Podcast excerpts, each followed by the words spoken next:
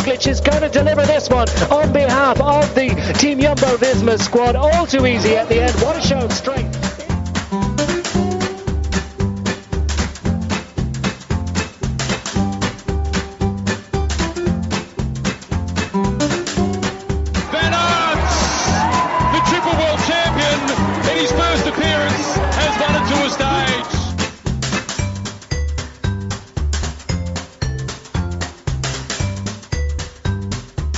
Dit is Noir et Jaune, de tourpodcast van Team Jumbo-Visma supporters. Goedenavond en welkom bij deze 15e Noir et Jaune speciale Tour de France podcast van de Team Jumbo Visma supporters. We gaan het vandaag natuurlijk uitgebreid hebben over die etappe met finish op de Grand Colombier. Daan Olivier zei het vrijdag al, ik verwacht een slagveld. Nou een slagveld, dat werd het zeker. Met, eh, nou ja, we komen er straks ongetwijfeld over te spreken. Onder andere Egan Bernal die vandaag een nieuwe Tourzege toch wel eh, zag verdampen. Eh, maar mannen, eh Raim, André en Bram, goedenavond. Eh, we hebben heel veel te bespreken, maar ik wil beginnen met... Gaf uh, Roglic Pogacar vandaag zijn tweede cadeautje? Of kon hij niet beter? Ik denk het laatste. Ja, dit, ik kan me niet voorstellen dat dit een cadeautje was nadat je je hele ploeg de hele dag op eh, kop laat rijden. Dat, eh, no way. Dit was gewoon eh, niet, eh, niet, niet kunnen. Nee, het was het, eh, ja, als je er een minpuntje dus van moet maken vandaag, dan was dit hem. Ja, Is, dat dan, ja. is het dan een smetje op, eh, op vandaag? Ja, heel, heel klein smetje dan hoor. ja, nou ja, ik, ja, ja oké, dit is ook vanuit de supporters oogpunt gekeken. Maar eh, ik vond het eigenlijk een beetje jammer omdat je de hele dag hebt zitten kijken naar hoe die, hoe die trein reed. En eh, er gebeurde niet heel veel. Nou, dus zeg maar voor de supporter dan. En dan, ja, dan hoop je wel dat ze het afmaken. Maar eh, ja, wat, wat betreft overal natuurlijk niet. Weet je, weet je het gevoel van als je naar voetbalwedstrijd zit te kijken en een ploeg, je ploeg eigenlijk nog de hele wedstrijd domineert en dan toch net verliest. Dat, is, dat gevoel heb je een beetje overgehouden. Ja, ja, net verliest of dat ze... Of Eh. gelijk speelt. Ja, of dat, of, of dat de topscorer net geen goal maakt. Zoiets zou ik het ja. zeggen. Ja. Maar is vandaag wel duidelijk geworden dat, eh, voor zover dat nog niet al duidelijk was, ehm, dat er eh, twee man eh, gaan uitmaken wie dit jaar de, de Tour wint? Ja, dat mag je wel stellen, denk ik, na vandaag. Hoewel je van de week natuurlijk ook een, een flinke etappe naar de 2400 meter gaat. En op dat soort hoogtes doen Colombianen het natuurlijk altijd wel goed. Dus jongens die nog niet al te ver staan, die zouden misschien daar van een hele slechte dag van Primos kunnen profiteren natuurlijk. Dat, dat soort dingen moet je niet uitsluiten. Maar eh, zonder dat soort gekke dingen denk ik dat, dat deze twee het wel gaan uitmaken wie het gaat worden, ja. Ja, ja, mee eens. Lijkt eh, geen ene aanwijzing te zijn tot dat hier nog iemand eh, als een Lopez of een eh, Landa tussen gaat eh, zitten. Of er moet iets heel geks gebeuren. Dus eh, nee, voorlopig lijkt het eh, na twee weken koers te zijn gereduceerd tot een, eh, ja, tot een tweestrijd. Sorry, ja, ik zet even het geluid van, eh van WhatsApp uit, want dat gaat anders heel irritant worden. Dit knip je er niet uit, hè, Raim? Nou, ik zal er nog over nadenken. nou, we kunnen weer verder. Even kijken, waar we gebleven. Ehm, ik wil eerlijk zeggen dat ik tot nu toe... eh, Pogacar is echt de enige die gewoon eh, mee kan. En nou, misschien zelfs ietsje sterker is als ook iets. Maar de, de rest kan gewoon geen, op dit moment gewoon geen partij geven. Ik bedoel, ze kunnen mee. En ze kunnen zo lang mogelijk volgen. Maar je ziet zodra die twee een versnelling plaatsen... moet de rest gewoon toch net erachter blijven. De verschillen zijn klein hoor. Ik vind, ik vind dat wel heel opvallend. Ik vind dat, er toch drie, vier man zijn die gewoon echt wel heel dicht tegenaan zitten. Ja. Maar ja, ze, ze zijn gewoon niet in staat dan om, eh, om weg te springen. Bij uh, Willy Yates probeert het dan. Denk ik veel te vroeg ook nog een keer. Maar je ziet toch gewoon eh, hoe ja, dan, dan gaat het de ploegenspel van Jumbo-Visma gewoon meetellen. Mhm. En dan, die zijn dan zo sterk. Ja. Ja, volgens mij zijn eh, Christian Nierman dat ook van. Hij gaat nu ook niet op alle kanten worden aangevallen, omdat je gewoon ziet als tegenstander dat de ploeg zo sterk is. Dat, dat de- ontmoedigt gewoon heel erg. Dus eh, nee, wat het geel betreft, echt alleen Pogacar. Ja, die, die mannen daarachter die gaan op een gegeven moment natuurlijk ook meer denken aan hun eigen positie. Die, die gaan dan meer kijken dat ze hun eigen positie kunnen verdedigen. En dan zou die ook gaan proberen elkaar eraf te rijden en te Ja. Die derde plek. Dan zie je zeg, als een Landa zou aanvallen, dat bijvoorbeeld een Poort en een Yates er meteen achter zitten. Dus uiteindelijk ga je daar weer een beetje van profiteren. Want ja, dat is altijd wel een beetje het spel. ja. Het is natuurlijk al best bijzonder dat we na twee weken koers voor aanvang van de tweede rustdag het al niet meer hebben over Ineos. Het, zou natuurlijk de grote tweestrijd worden. Ineos tegen Jumbo-Visma. Eh, maar goed, eh, we, kennen het, we zijn allemaal bekend met het verhaal van Egan Bernal die vandaag compleet door het ijs is gezakt. Zeven en een half minuut verloren. Ja, in hoeverre hadden jullie zoiets zien aankomen? Nou, ik, dat het zo- zo'n heftige vorm of zo'n grote vorm zou aannemen, dat, dat had ik niet verwacht. Maar ik had wel verwacht dat hij vandaag door het ijs zou Hij rijdt eh, buiten die, die opleving van, eh, van gisteren, dat nog even een stootje plaatste in de finale. Eigenlijk een vrij fletse tour tot nu toe. En zijn hele ploeg is natuurlijk niet heel sterk. Dus ik had het tilletjes wel verwacht, ja, dat hij, dat hij er vandaag tussenuit zou zakken. Maar ik had dat zo'n beetje verwacht met nog vijf kilometer te gaan of zo. En niet eigenlijk al vrij aan het begin van de beklimming. En ook niet dat hij op zeven minuten eh, zou binnenkomen. Ik had een, een verschil verwacht van drie, misschien hooguit vier minuten of zo. Mhm. Ja, ik, ehm, mij ver- verrast het eigenlijk persoonlijk wel heel erg. Al niet eens als in dat hij niet zou mee kunnen, maar sowieso inderdaad dat het zo vroeg gebeurde. Maar ik had eigenlijk wel verwacht na gisteren, na dat oplevingje van hij gaat het sowieso tot de rustdag wel gewoon, gewoon kunnen aanklampen. Dus eh, dat was wel een verrassing. Maar er werd eh, in de interviews achteraf ook gezegd dat hij blijkbaar al op die eerste klim er niet meer goed bij zat op de steile stukken. En dat Kwiatkowski zelfs eh, iets van pijnstillers ging halen bij de ploegwagen. Dus dat lijkt misschien daarbuiten nog iets te zijn. Maar goed. Ja, dan zou dat waarschijnlijk toch weer misschien zijn rugklachten zijn die aan Hij het zegt zelf opspelen. ook niet overigens. Hè? Hij zegt, eh, ik heb geen pijn in mijn rug. Ja, heel veel in mijn benen, maar niet in mijn rug. Heeft hij zelf gezegd. Ja, dat is dan wel weer eerlijk. Hij zoekt geen excuses in ieder geval op dat punt. Ja, ja. Ja, ik vond het inderdaad best gewoon heel opvallend dat hij zo vroeg in die klim al moest lossen. En dan ook meteen gewoon echt, hij zag er gewoon heel goed uit. Je zag, net zoals van de week, het was gewoon echt werken. Het was, elke vorm van souplesse was gewoon helemaal verdwenen. Mhm. En, Ja, wat- ja, ik had het gewoon echt, ik dacht dat ik gewoon echt voor aan het voorafgaand Tour had ik dit gewoon niet verwacht. Dat hij, dat hij zo tegen zou vallen. Ja. Maar ja, wat, dat ook wat André zegt, die, die hele ploeg rijdt gewoon heel flats. Het is, eh, ze zijn al, als ik zag toen, eh, toen Jumbo-Visma nog met zes man zat, ja, wa- waren zij al bijna helemaal opgerookt. Ze waren nog geloof ik met drie of zo. Ja, ja. En, en dat, dat hij er tussenuit hield, toen zat hij eigenlijk al alleen. Hij werd toen op een gegeven moment gegangmaakt door, door zijn ploeggenoten die al afgehaakt waren, die hem achterop kwamen op een gegeven moment weer. Mhm, ja. En, en als ik dan trouwens nog een, eh, een ironietje mag, eh, mag aanstippen. Eh, dit was de etappe, dezelfde als de etappe 2 in de Tour de Lais. En dat was eigenlijk de eerste etappe naar de Occitanie, zoiets, dat hij eigenlijk echt begon te verliezen voor Roglic. En het is nu vier weken later en dit, dit- de- precies deze etappe is dan het punt waar hij definitief breekt. Want eigenlijk sindsdien is het voor hem natuurlijk alleen maar aanklampen geweest, de voorbije weken. Dus eh, ja, dat is wel eh, ironisch, maar ja, ook wel hard. Zo is het wielrennen. Ja. Maar hoe, hoe onvoorstelbaar is het dat, eh, dat ehm Bernal er uiteindelijk de toerwinnaar, eh, de verdedigend toerwinnaar wordt afgereden door Wout van Aert op de Grand Colombier. Als je dat twee weken geleden had gezegd, dan waren we voor gek verklaard, denk ik. Ja, ja.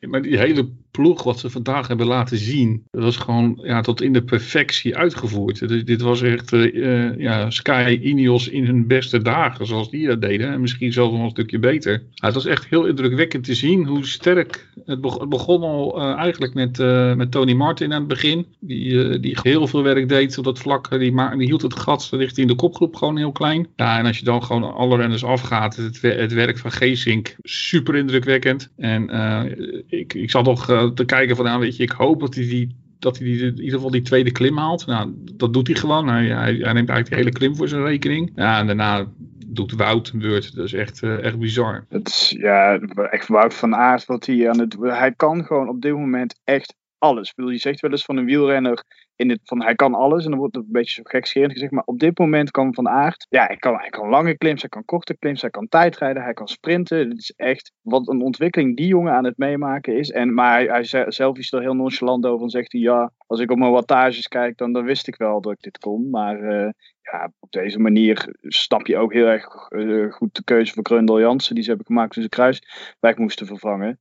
Dit is, eh, je, hebt, je hebt gewoon alles kunnen in huis. En ja, het, het, klopt ook allemaal. Ze zijn heel sterk, maar ze zijn allemaal heel erg ehm, op elkaar aangesloten in wat ze kunnen en op het vlak en omhoog. En ja, dat is echt heel mooi om te zien. Ik wil het toch nog even met jullie hebben over, uh, over, de, over de strijd om de etappenzegen. Waar Roglic het dus aflegt tegen Pogacar. Um, maakt Roglic volgens jullie een fout door uh, op een halve kilometer zelf al aan te gaan? In plaats van dat hij bijvoorbeeld Koes uh, nog een versnelling laat plaatsen? Nou, ik, ik denk dat dan de fout zat en bedoel, we hebben, ik, ik heb net de, de WhatsApp-groep uh, discussie nog even gevolgd. Die tussen André en, en Jesse was. Die gingen dan vooral omdat uh, Koes te vroeg zou aangegaan zijn. Of in ieder geval dat Koes het gat richting uh, Roglic zou dichten met, met Pogacar. Um, nou ja, zo, zo interpreteerde ik in ieder geval niet.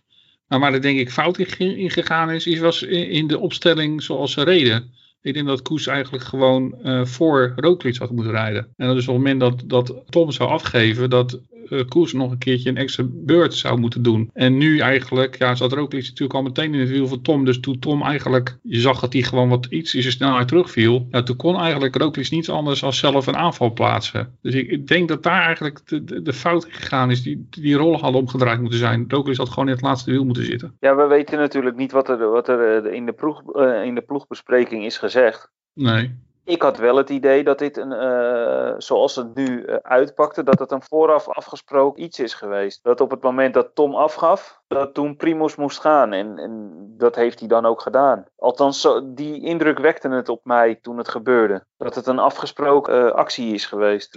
Ik had ook nog het gevoel, was het niet ook misschien, hij opende vooral het bal, maar was het niet ook om toch nog een beetje tijd te pakken? Want er zaten toch op die, die laatste half kilometer, die, die, waar nog stukken van 22% volgens mij in zitten.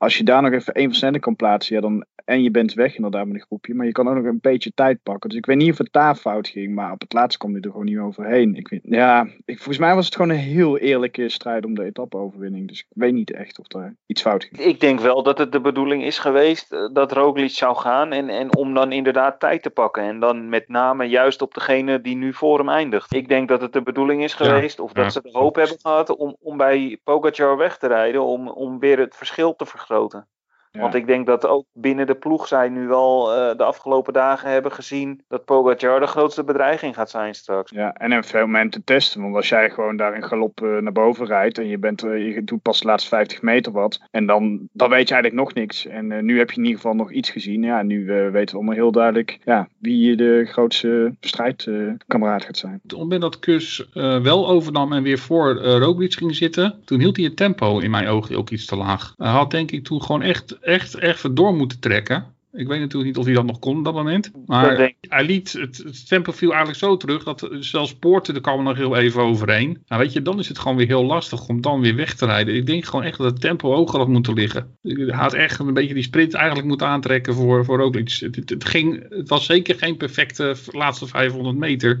Maar eigenlijk de 110 kilometer ervoor wel perfect waren. Ja, ik denk ja, wel dat hij dat deed. Zeggen, je zou bijna zeggen dat, dat, dat, dat, het dan, dat de rollen omgedraaid hadden moeten zijn. Dat Koes voor Tom had moeten zitten. Ja, Tom die heeft het wel, uh, hij heeft niet die vinnigheid die, die Koes heeft. Maar hij, hij weet wel wat het is om een, een sprint aan te trekken natuurlijk. Had hij als laatste, als laatste man voor Roglic gezeten. Dan had hij waarschijnlijk nog de power gehad om, om inderdaad die laatste set nog te geven. Die laatste versnelling.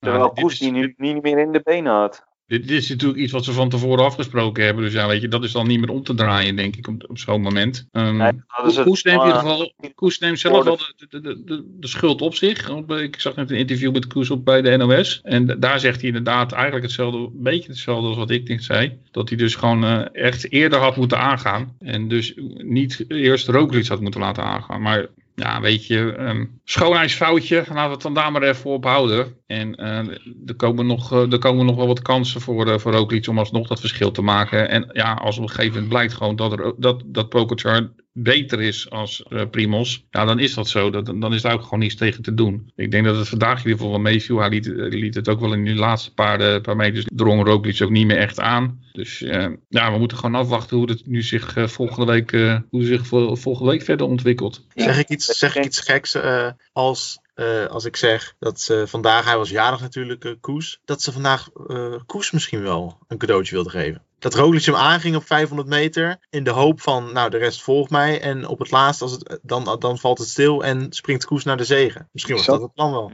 Ik Ja, zat maar daar ook over na te denken. Maar dan, dan zouden ook die verhalen denk ik wel zijn uitgekomen na de eh, interviews, na de finish. Want die Ja. hoorden wel echt allemaal zeggen we reden voor Roglic omdat hij zich zo goed voelde. En het zou niet helemaal passen in het verhaal van we hebben bij één doel en we willen... Maar ik zat er ook wel aan te denken. En het was inderdaad ook wel met de feiten le- verenigbaar. Het, het, leek er, het leek er inderdaad wel heel even op dat dat de bedoeling was. Maar ja, Koes, die dronk, hij, Koes die zette niet door toen hij die eigen maakte even dat die beweging. Alsof hij een aanval wou plaatsen inderdaad. Maar hij hield ook meteen weer in. Dus, ik denk eh, dat, hij, dat, dat als het de bedoel, bedoeling was dat Koes zou gaan winnen, dat hij te vroeg is gegaan in de zin van, dan had hij moeten wachten tot zeg maar, eh, de eerste die, die konden volgen. Dan heb je het over Poort en wie was de derde na Pogacar en Poort die erbij was. Dat, die heb ik even niet paraat, maar Eh dat was eh, die eh, van Astana, Lopez. Lopez. Lopez. Nou ja, dan, dan had dan had Koes geduld moeten hebben en achter Lopez moeten aansluiten, zeg maar. En, en niet de, de eerste of tweede moeten zijn die ging reageren op Pogacar. Want dan had hij in het wiel kunnen gaan hangen. Dan hadden die andere gasten het werk gedaan. En dan had hij in feite eh, in een zetel naar de laatste 200, 300 meter gebracht eh, geweest misschien. Uiteindelijk wordt in de schaduw van, eh van Roglic en Koes hebben we ook gewoon nog Tom Dumoulin die de top 10 is binnengeslopen vandaag. Guillaume Martin is daar natuurlijk weg. Nairo Quintana is daar weggezakt vandaag. Eh, Bernal is daar natuurlijk eh, uit weggezakt. Ehm, stel je voor, um, blijkt in die derde week beter dan Roglic en loopt seconde voor seconde in. En, en komt echt binnen schootsafstand, voor zover je dat nu nog, nog niet staat. Ehm, hoe kunnen ze dan Dumoulin uitspelen om toch die gele trui binnen de ploeg te houden? Hoe zou dat kunnen? Ik vind, het, ik vind het heel fijn dat je dit zo vraagt. Want dit was in principe eh, eh, precies de vraag die ik direct had na de etappe. En waarvan ik ook direct een beetje zat te ergeren dat die- actie van Dumoulin, dat hij zich zo heeft opgeblazen in die etappe in die Pyreneeën. Want dit was natuurlijk een veel aannemelijke betere casus geweest als hij nog ongeveer op dezelfde tijd had gestaan als Mas nu ongeveer. Die staat op drie minuten. Maar nu, eigenlijk staat Dumoulin bijna gewoon te ver om echt een bedreiging te zijn voor het podium, lijkt mij. En, maar wel genoeg een bedreiging voor mensen die een achtste, zevende plek gaan willen verdedigen. En die daarom naar Dumoulin rijden. Dus daar zit ik een beetje mee. Ik ben wel benieuwd wat jullie daarvan vinden. Nee, ik, ik denk, en dat hebben we alle afgelopen jaren altijd gezien, dat die, die mannen die nu derde, vierde, vijfde, zesde, zevende staan, dat die Dumoulin echt niet zomaar gaan laten rijden. Die gaan heel defensief koersen om hun plekje veilig te stellen. Misschien nog zelfs te profiteren van een slechte dag van eh, een van de concurrenten voor, eh, voor hun plekje. En ik zie het niet gebeuren dat, dat die ploegen Dumoulin zo ver gaan laten rijden dat hij nog een bedreiging voor het podium zal gaan vormen. Aan de andere kant vind ik wel, eh, als ik zie hoe die rijdt vandaag, een, heel mooi teken voor nu niet misschien direct deze Tour, maar als hij straks doorgaat naar de, naar de Vuelta ook, dan eh, zie ik hem daar nog hele hoge ogen gooien straks. Met eh, de vorm die hij nu al etaleert, na zoveel dagen inactiviteit. Ja, ik, ik, ehm, ik zit even naar het algemeen klassement te kijken. Ehm, Tom die staat nu op 5-12. Ja, als hij meegaat in een, in, in, in een ontsnapping, en dan denk ik misschien niet dat het in een vroeg ontsnapping zou moeten zijn, maar bijvoorbeeld eh, halverwege een, een etappe of zo, dat hij dat die wegspringt. Ja, dan, dan is het eens wat je dan in principe gaat krijgen, is dat, eh, dat de ploeg inderdaad als Astana en IF, dat denk ik de enige twee ploegen zijn die dat op dit moment nog kunnen. Ehm, ja, die, die, die zou je kunnen uit, afmatten. Ehm, mogelijk Vistar die voor het eh, ploegenklassement willen blijven rijden. Ja, dus, maar ja, het wordt natuurlijk een, een heel lastig verhaal, want ik denk gewoon niet dat ze hem laten gaan. Dus ehm, Ze weten wat voor renner Tom is. Die gaan ze echt niet de ruimte geven. nee, ik denk dat het wel een heel lastig verhaal wordt. Ik, denk wel gewoon dat het goed is dat hij gewoon doet wat hij nu doet. En dat is wel die druk blijven houden, dus wel gewoon zo, ver, zo snel mogelijk mee blijven sprinten in de etappes. Dus, eh, maar zo'n tactiek, ja, of Tom, Tom moet zich op een gegeven moment zo sterk voelen dat hij dat wel kan. Ik bedoel, ehm Vroom heeft, heeft dat natuurlijk ook een keertje de Giro gedaan. Ja. Ehm, ja, ik, ik sluit het ook weer niet helemaal uit. Nee, maar en als hij een bedreiging gaat zijn voor UAE, dan blijft het natuurlijk wel. UAE heeft op dit moment echt niet veel over. Dus die ploeg rook je heel snel uit. Maar het is dus. En trouwens ook Trek, die hebben ook niet meer veel over. Maar ja, er zijn dan net iets te veel ploegen van wie de belangen verenigbaar zijn om te laten rijden. En ja, dat is gewoon echt jammer dat, dat, dat Tom daar eigenlijk nu net twee minuutjes mist. Maar Ja. je weet niet. Je weet niet. Het is in Ja. ieder geval wel een heel mooi teken dat hij, eh, dat hij weer zo'n vorm is. Dat is, ja, dat is echt goed om te zien. Ja, als hij, als hij gewoon dichterbij had gestaan, ja, dan, dan worden gewoon denk ik meer jongens zenuwachtig. En maar nu staat hij denk ik gewoon inderdaad net iets te ver weg. Maar goed, als ik aan jullie ga vragen, aan de vooravond van de tweede rustdag, voorspelling voor het eindpodium. Tja, ik moet je eerlijk zeggen dat ik, nou ja, Jumbo-Visma is als ploeg natuurlijk bizar echt gewoon heel sterk. Maar eh, als, als ik moet kijken naar de kopmannen, dan moet ik zeggen dat ik Pogacar meer indruk vind maken dan Roglic. Over de eerste twee weken gezien, zeg maar, in zijn geheel. Ja, ja, ja, vind ik ook wel. Dus En- dat gaat, eh, dat gaat echt eh, heel close worden, denk ik, tussen die twee. Nou, ik, ik hou het nog steeds op Roglic. Ik denk dat het gat van 40 seconden gewoon net te groot is voor de Pogacar. Want ik denk, niet dat hij staat, ik denk niet dat hij in staat gaat zijn om echt, echt weg te rijden bij, bij Primos. Ja, hij zou nou weer een Als sprint hij- winnen. Kijk, als hij natuurlijk, eh, el- want ze hebben nu nog twee aankomsten Ja. heuvels CQ berg op. Nou ja, als hij daar twee keer bij wijze van spreken eh, een sprintje wint, misschien zelfs met wat tussenruimte, waardoor hij extra secondes zou kunnen pakken. En ja, maar ik, ik, we ik hebben denk niet... het Sloveense eh, tijdritkampioenschap. Hij kan ook tijdrijden, hè, die knul. Eh, Daar wil ik er twee dingen dan op zeggen. Ik denk niet meer dat, dat Jumbo-Visma zo gek gaat zijn door weer een kopgroep terug te, laten, laten, te gaan laten halen. Ik denk dat zij nu ko- kopgroepen gaan laten lopen, zodat die bonies weg zijn. Dus eh, ik denk dat, dat, dat, het dan Dat niet- dat die kans steeds dat die kans steeds kleiner wordt. Dat ze er niet meer zo achteraan gaan rijden. Ik bedoel, Ja, hij- eh, laat, laat gaan die, laat gaan die. Ik bedoel, het geel is het belangrijkste. Dus hij kan, hem, hij kan Roglic natuurlijk ook losrijden. Hè? Want als je ziet hoe, eh, ik vind hem veel meer indruk maken. Mm, Ja, ja, maar- ja. ja, maar hier dat, dat, gebeuren, dat- dus gebeuren. Straks die etappe van de week, met, eh, dan heb je op een gegeven moment een beklimming. Ik, de naam eh, moet ik je schuldig blijven. En dan blijf je een klein stukje op een plateautje rijden. En dan heb je nog een klein stukje van 1 of 2 kilometer, een, een hupsje tot aan de finish. Als hij daar Roglic lo- eh, los weet te rijden, dan pakt hij zomaar 10, 20 seconden. Ja, maar ik zie dat Ja, maar dat dan heb je dus de niet ploeg. Dan, dan zet je dus je ploeg Ja. op, eh, op kop. En dat is het grote voordeel. En ik denk ook met, als ik ga kijken naar het etappeprofiel van die twee nog bergachtige etappes. Die etappe naar de La Loze, dat is de etappe van woensdag. Dat is eigenlijk een vergelijkbare etappe met vandaag. Dus daar kun je echt, je weet dat deze tactiek werkt en je kunt dat weer gewoon eh, hanteren. Gewoon ploeg op kop, tempo rijden. En die andere etappe is dus een aankomst die Roglic volgens mij heel goed ligt. Dus ik kan me dat eigenlijk niet voorstellen dat dat zomaar gebeurt. Die tactiek werkt denk ik alleen als Roglic echt geïsoleerd komt te zitten. Nou, ik, want ik denk gewoon niet dat, dat Pogacar het aandurft om een aanval te plegen. Terwijl er nog gewoon vier, vijf man van Jumbo-Visma daar gewoon zitten. Dat, dat gaat hij gewoon niet doen. Want dan weet hij, als hij dan wel teruggepakt wordt, dan, dan los ik straks. Dus ik, denk niet dat dat een... Ja, of hij moet echt een wanhoopspoging gaan doen. Maar, Nou, hij gaat niet alles of niks doen. nee, Dus- dat gaat dus hij gewoon... Hij is gaat de tweede plek sowieso niet in gevaar brengen ook. tweede, plek is hartstikke mooi, weet hij ook. En ik denk stiekem trouwens ook dat hij de Roglic wel een beetje gunt. Maar dat, dat, Dat is nog een ander verhaal. dat, eh,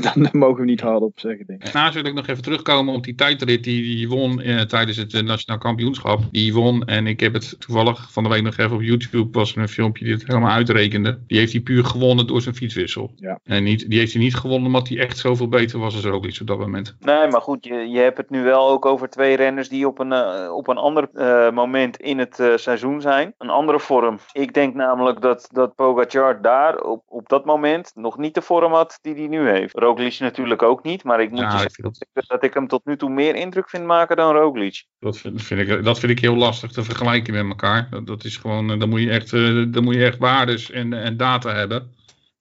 Nou, wel in het verlengde van, van André wil ik wel nog dit puntje maken dat Roglic wel echt al een pieken is vanaf de Lay. En Pogacar, die in de Dauphiné nog niet eens zo heel aanwezig was, wel meer lijkt opgebouwd te zijn. Dus zeg maar, als je het hebt over eh, vormpieken, dan ben ik daarin wel een beetje schuchter voor die derde week van Roglic. En eh, vooral als ik dan denk aan de derde week van de Vuelta afgelopen jaar, waarin Pogacar echt beter was dan Roglic. Dat was pas na zijn val, hè. Ja, Dat, daar was natuurlijk Roglic, want tot aan dat moment was Roglic gewoon net zo sterk. En misschien, eh, want daar gaf hij echt wel cadeautjes ook weg aan Pogacar. Ja, die ene nee, etappe gaf hij echt weg. En pas eigenlijk die, ene, eigenlijk die ene laatste etappe, dat was dus de etappe nadat hij gevallen was. En die etappe was, was eh Roglic inderdaad echt een stuk minder. Maar dat, dat gooi ik echt op die val. Dus ehm, of, die, of die daar gewoon, als die niet was gevallen, denk ik gewoon dat hij ook daar gewoon Maar goed blijft dat, dat Roglic wel echt al zes weken aan het pieken is. En eh Pogacar nu Ja. twee weken aan het pieken is. Dus eh, om daar dus zeg maar nog weer een puntje aan Pogacar. Maar het gaat gewoon heel spannend blijven. Wie gaat het podium ronden achter de twee Slovenen? Ik denk Poorten. Ja? Die maakt een- het meeste indruk voor, op mij. Achter die Nee. twee. Dat zou toch niet. wel een keer verdiend zijn. ja.